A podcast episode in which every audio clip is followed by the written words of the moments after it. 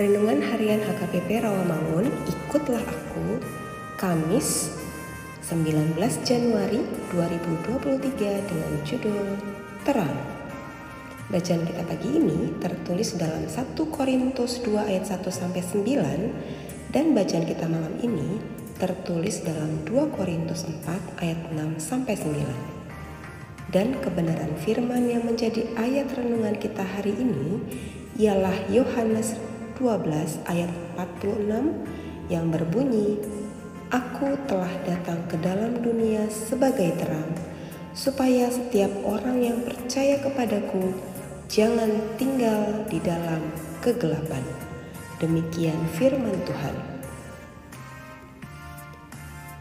Sahabat ikutlah aku yang dikasihi Tuhan Yesus.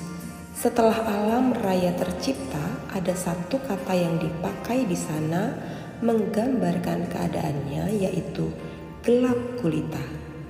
Kemudian hal berikut yang dilakukan Allah adalah menciptakan terang.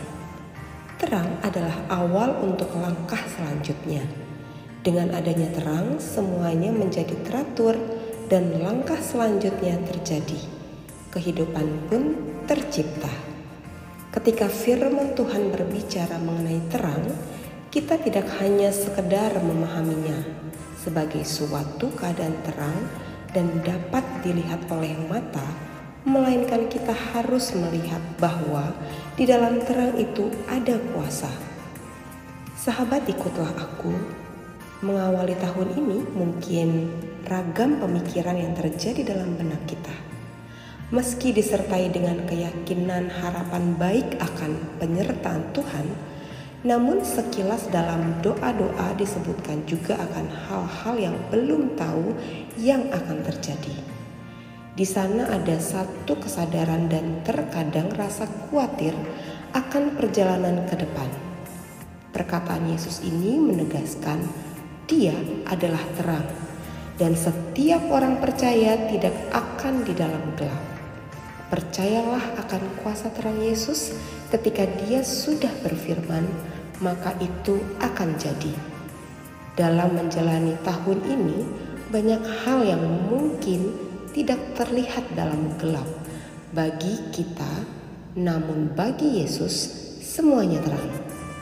Bahkan bagi sebagian kita berpikir bahwa tidak ada jalan, namun Yesus menegaskan juga bahwa Ia adalah jalan.